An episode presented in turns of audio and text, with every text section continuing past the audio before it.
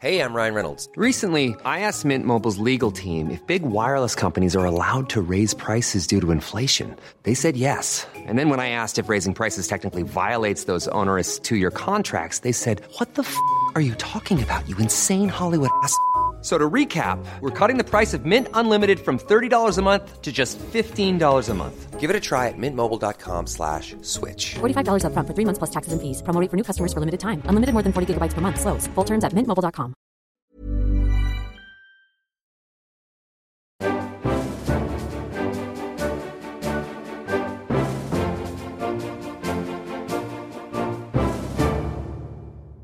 the President of the United States, the gentleman to whom I refer as at the devil, came here talking as if he owned the world.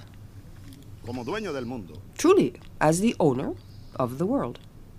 Un psiquiatra no estaría de más. I think we could call a psychiatrist to analyze yesterday's presidente de los statement made by the President of the United States. Det var Venezuelas president Hugo Chávez fra FNs hovedforsamling i 2006, som sammenlignet George W. Bush med djevelen. Nå starter en ny uke med stats- og regjeringssjefer fra en rekke land som møtes i New York. Kristoffer Rønneberg, vår korrespondent i USA, kan vi vente oss mer slikt show? Altså, dette er alltid et av årets høydepunkter i, i New York, når uh, generalforsamlingen uh, samles på denne måten her. Og i år så er det ekstra stort, hvor uh, president Xi Jinping fra Kina kommer for første gang. President Vladimir Putin fra Russland kommer for første gang. Angela Merkel fra Tyskland kommer for første gang på fem år. og så har vi selvfølgelig president Obama.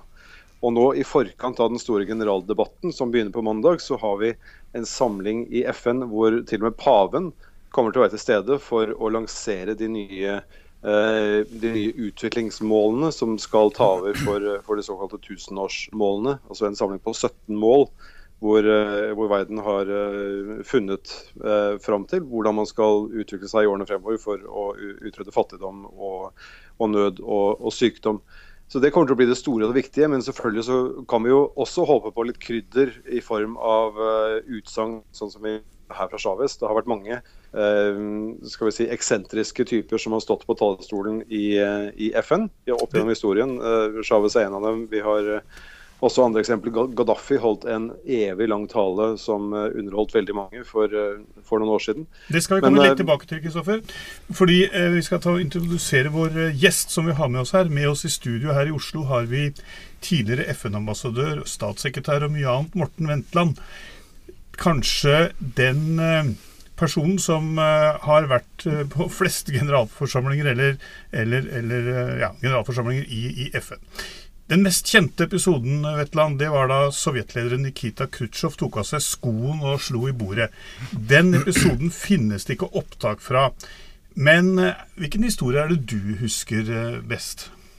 Nei, Jeg husker det jeg har opplevd selv, og når jeg har vært borte, så har det enten vært fordi jeg har båret kofferten til statsministeren på besøk, eller fordi jeg har hatt hånd om tilreisende statsministre mens jeg selv var FN-ambassadør. Så jeg har ikke sittet mye inne i salen. Og det dere snakket om nå, da jeg opplevde ti minutter, tror jeg, av denne talen til Gaddafi som varte en eh, time. En og en halv time? Ja, noe sånt. Men det siste jeg husker det var slagsmål på galleriet, da. eh, For eh, et par år siden, det var vel i 2011, tenker jeg. Og da var det Israels statsminister Netanyahu som eh, holdt tale i, under denne åpningsuka, en av de første dagene. Og det fikk president Erdogan fra Tyrkia med seg. Han satte av et møte bak selve møtesalen. Og så ville han inn og høre på Netanyahu, og så ble han stoppet av FNs vakter, da. Og det fant ikke han seg i, så da ble det slagsmål på galleriet. Eh, og jeg tror Erdogan vant denne slåsskampen, og kom inn og fikk, eh, fikk høre på. Men ellers så var det jo var det Gaddafi sto og rev i stykker FN-pakten på talerstolen. Det ble det snakket om, eh, om lenge.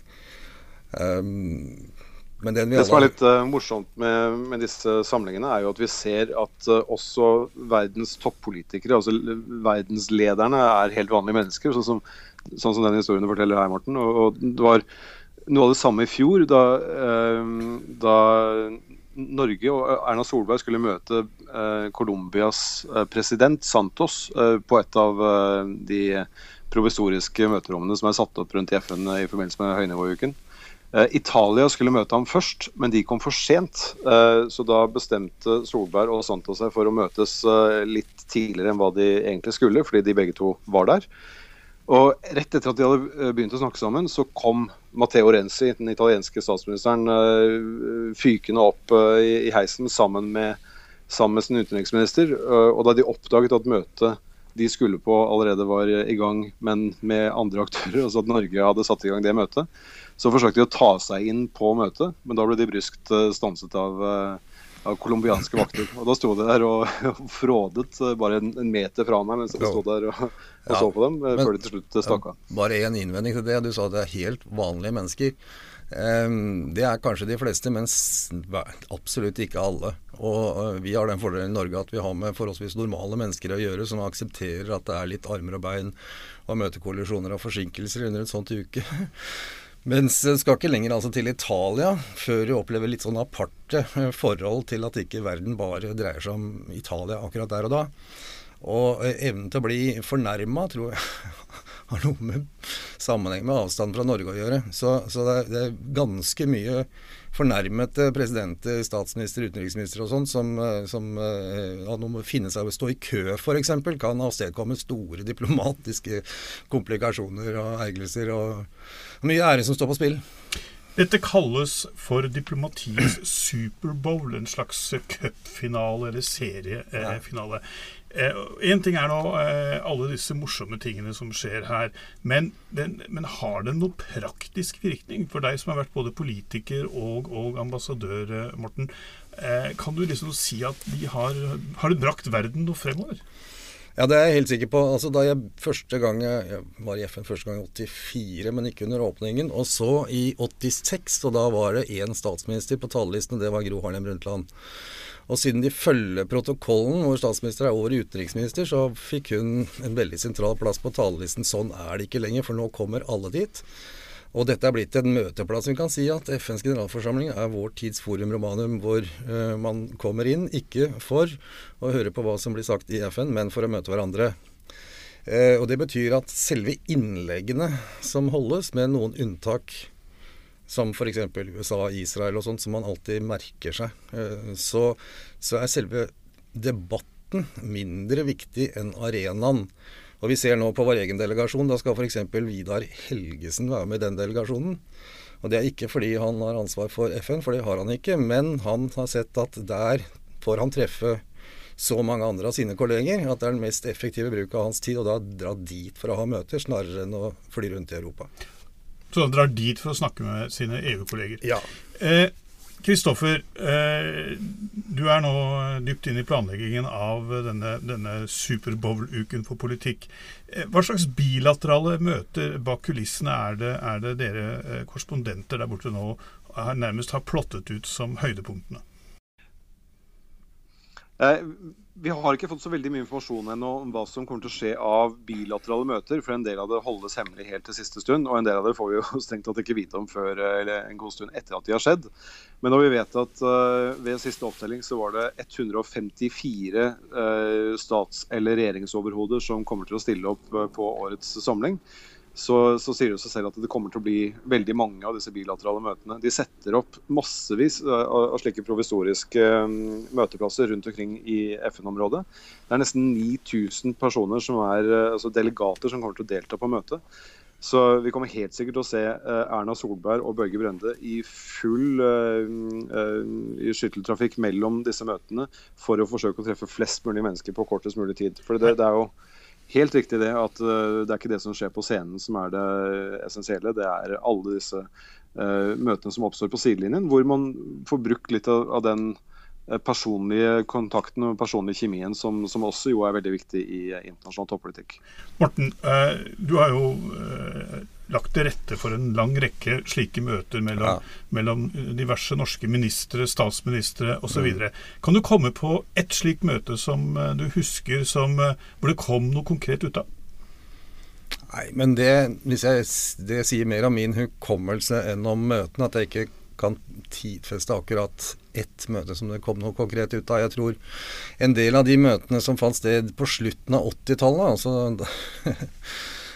i senmiddelalderen, eh, med, med, Gro var ganske skjellsettende for den utviklingen vi fikk med, med dagsordenen miljø og utvikling fram mot den store konferansen i Rio i 1992 ved at uh, dette nye emnet rykket oppover på dagsordenen for stats- og regjeringssjefer som ikke hadde hatt det på skjermen før. Og Da husker jeg møtet med Rajib Gandhi og Mugabe, mens man ennå snakket med Robert Mugabe, uh, som var med på å gi et inntrykk av at dette var det bare for andre å slutte seg til, for dette toget kom til å gå.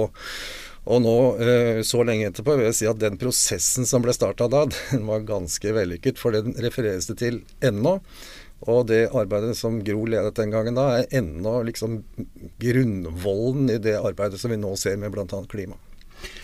Eh, det er mye eh, Et av de viktige temaene ved siden av miljø vil jo være fattigdomsbekjempelse og den type ting eh, på denne, denne høynivåuken, eller generalforsamlingen, som tar til nå, Kristoffer. Venter du deg noe konkret som kommer ut av det? Altså Det mest konkrete er at man faktisk vedtar disse 17 nye målene, disse bærekraftsmålene som man har brukt over tre år på å forhandle frem. Det har vært ordentlig harde forhandlingsrunder i FN, som, som, jo Morten Wetland uh, kjenner godt til starten av. så Det blir det mest konkrete, og en, en historisk begivenhet. Man snakker jo om dette som tidenes største lansering, fordi her samles hele verden om noen felles punkter hvor man sier dette her er retningen vi har lyst til å gå i som som menneskehet. og det, er veldig sjelden man tar, har mulighet til å ta i bruk så ekstremt store ord som man nå vil kunne ta i bruk på dette, uh, dette møtet om bærekraftsmålene. Så jeg tror eh, det, også Hvis det er én stor ting, en stor konkret ting som skjer i år, så er det at man vedtar nå i helgen disse 17 bærekraftsmålene. Men eh, når man ser på deltakerlisten 150 stats- og regjeringssjefer eh, Det kommer jo til å sette sitt unektige preg på, unnskyld, på, på, Manhattan og på New York også. Trafikkaoset kommer til å være enormt. Ja, Det er uh, alltid interessant å forsøke å ta seg til FN uh, i høynivåuken. Uh, politiet sperrer av flere kvartaler rundt FN. Og så har man i tillegg alle disse menneskene som skal beskyttes både av sine egne nasjonale eh, sikkerhetsfolk og av Secret Service. Så det vi, eh, det vi, ser hver gang det er eh, høynivåuke i FN, er eh, trafikkaos av eh, veldig dyre biler som kjører i, i kolonner. Eh, fra de luksushotellene og ned til FN og rundt omkring til hverandre. Så det, det er et ordentlig kaos. og vanlige mennesker bør holde seg langt unna det området av Manhattan nå i den kommende uken. Her kan jeg få skyte inn at eh, Norge bidrar da ikke til det bilkaoset. For som lenge jeg har vært med på dette, her, så var alltid norske statsministre godt ned i FN. Men det har jo noe å gjøre med at at selv, om, uh, selv, om, Erna Solberg i år bor på et annet hotell enn uh, den norske delegasjonen vanligvis gjør, så skal de holde den tradisjonen i hevd og, og, gå til FN også i år. Det er godt og sunt. Men apropos hoteller. Det har jo vært en interessant historie at Obama ikke skal bo på Waldorf Astoria, hvor bl.a. hans FN-ambassadør har en suite. Hvorfor ikke det, Kristoffer? Det er fordi Wall of Astoria akkurat har kjøpt opp uh, av et kinesisk selskap. Uh, og derfor så uh, Det er vel mest uh, pga. symbolikken at Obama velger å bo et annet sted denne gangen. Fordi hans FN-ambassadør Samantha Power hun bor der fast. så de har ikke flyttet De har, har ikke boikottet hotellet helt. Men i år så skal han bo på noe som heter Palace Hotel. Det er en ting til der hensyn til, og det er at siden Eh, Obama holder hus der, så, så, har det blitt så strenge sikkerhetstiltak rundt uh, for store at det ødelegger businessen for hotellet. Og det har vært mange fremmede utenriksministre og statsministre og sånt som har blitt avvist ganske bryskt av sikkerheten på Waldorf. sånn at det har vært ganske sterke innvendinger fra de som Eh, er lettere å fornærme enn nordmenn mot den eh, han har sagt, gjennomsøking og ransaking som de må gjennom for å komme ut der. Så at hvis jeg kjenner Secret Service rett, så har de funnet et sted hvor det går an å skille eh, politikerne som skal på møte, fra kundestrømmen for øvrig. Men eh, det ligger jo én sak under dette møtet som som ikke står på noen dagsorden, men, men, men som alltid er der når, folk med tilknytning til FN-systemet møtes. Og det er at det skal velges en ny generalsekretær i FN om ikke altfor lang tid, og posisjoneringen er allerede i, i gang. Og, og Morten, med din kjennskap til dette, Kommer dette nå til å være en sånn sak hvor de som har en uh, håp om å få en landsmann eller landsmanninne valgt som generalsekretær, starter valgkampen i det stille? Ja, det har jo pågått en stund allerede. Uh, nytt av året er at uh, dette har jo vært egentlig noe som Sikkerhetsrådet har avgjort. Altså, og det har vært en kilde til irritasjon for de som ikke er faste medlemmer av Sikkerhetsrådet, at det er Sikkerhetsrådet som har valgt FNs generalsekretær. I år er prosedyren annerledes. Nå skal altså kandidater nomineres formelt. Og det skal sirkuleres dokumentasjon, og det skal holdes uformelle møter mellom kandidatene og medlemslandene i FN. Men snakket om hvem dette er, er jo selvfølgelig av gang. Og der merker vi jo to tendenser. Det ene er at nå snakker man om at det neste må bli en kvinne. Og jeg var der borte nettopp og fikk det live med, at det sier svært mange. Eh, så er det slik at FNs generalsekretær har gått på rotasjon mellom verdensdelene hittil. Og det er en gruppe av land som ikke har hatt generalsekretæren, og det er Øst-Europa. Slik som Øst-Europa så ut før muren falt. Det er fortsatt en gruppe i FN. Og de er søren ikke enig nødvendigvis i at eh, de skal påta seg å rette opp kjønnsbalansen. Så her foregår det en kamp som kommer til å bli veldig interessant å følge. Og siden den blir utspilt mer åpent og inkluderende denne gangen enn tidligere, så får vi se mye av det live. Eh, men hva sier ryktene i korridorene og i Delicate Lounge-baren i FN-bygget da, Kristoffer, om eh, hvem er de heteste navnene til å bli generalsekretær? Jeg har hørt uh, veldig mye av det samme som hva Morten beskriver her. At ordene 'kvinnelig' og 'Øst-Europa' går igjen. Og Da er det spesielt ett navn som, uh, som, nevnes oftere enn andre, og det er Irina Bokova, som er for tiden sjef for UNESCO. Hun er fra Bulgaria og anses som en høyt kompetent person som, som, kjenner systemet godt, og som vil kunne være en, en generalsekretær som passer for alle. Problemet er jo at når alle fem faste medlemsland i Sikkerhetsrådet skal bli enige om noe, så skjer det av og til at uh, man, man, får en generalsekretær som kanskje ikke er en, en veldig uh, sterk lederskikkelse, eller som har veldig sterke politiske meninger, fordi man må finne noe som, en person som ikke irriterer noen av de fem. Altså Man får bare en som er mindre general og mer sekretær? Nettopp. Men eh, nå skjer også dette enorme toppmøtet, som man kan kalle det, i en eh, ganske spent eh, atmosfære internasjonalt. Eh, samtidig som vi nå ser visse tilnærminger eh, mellom eh, Russland og, og Vesten.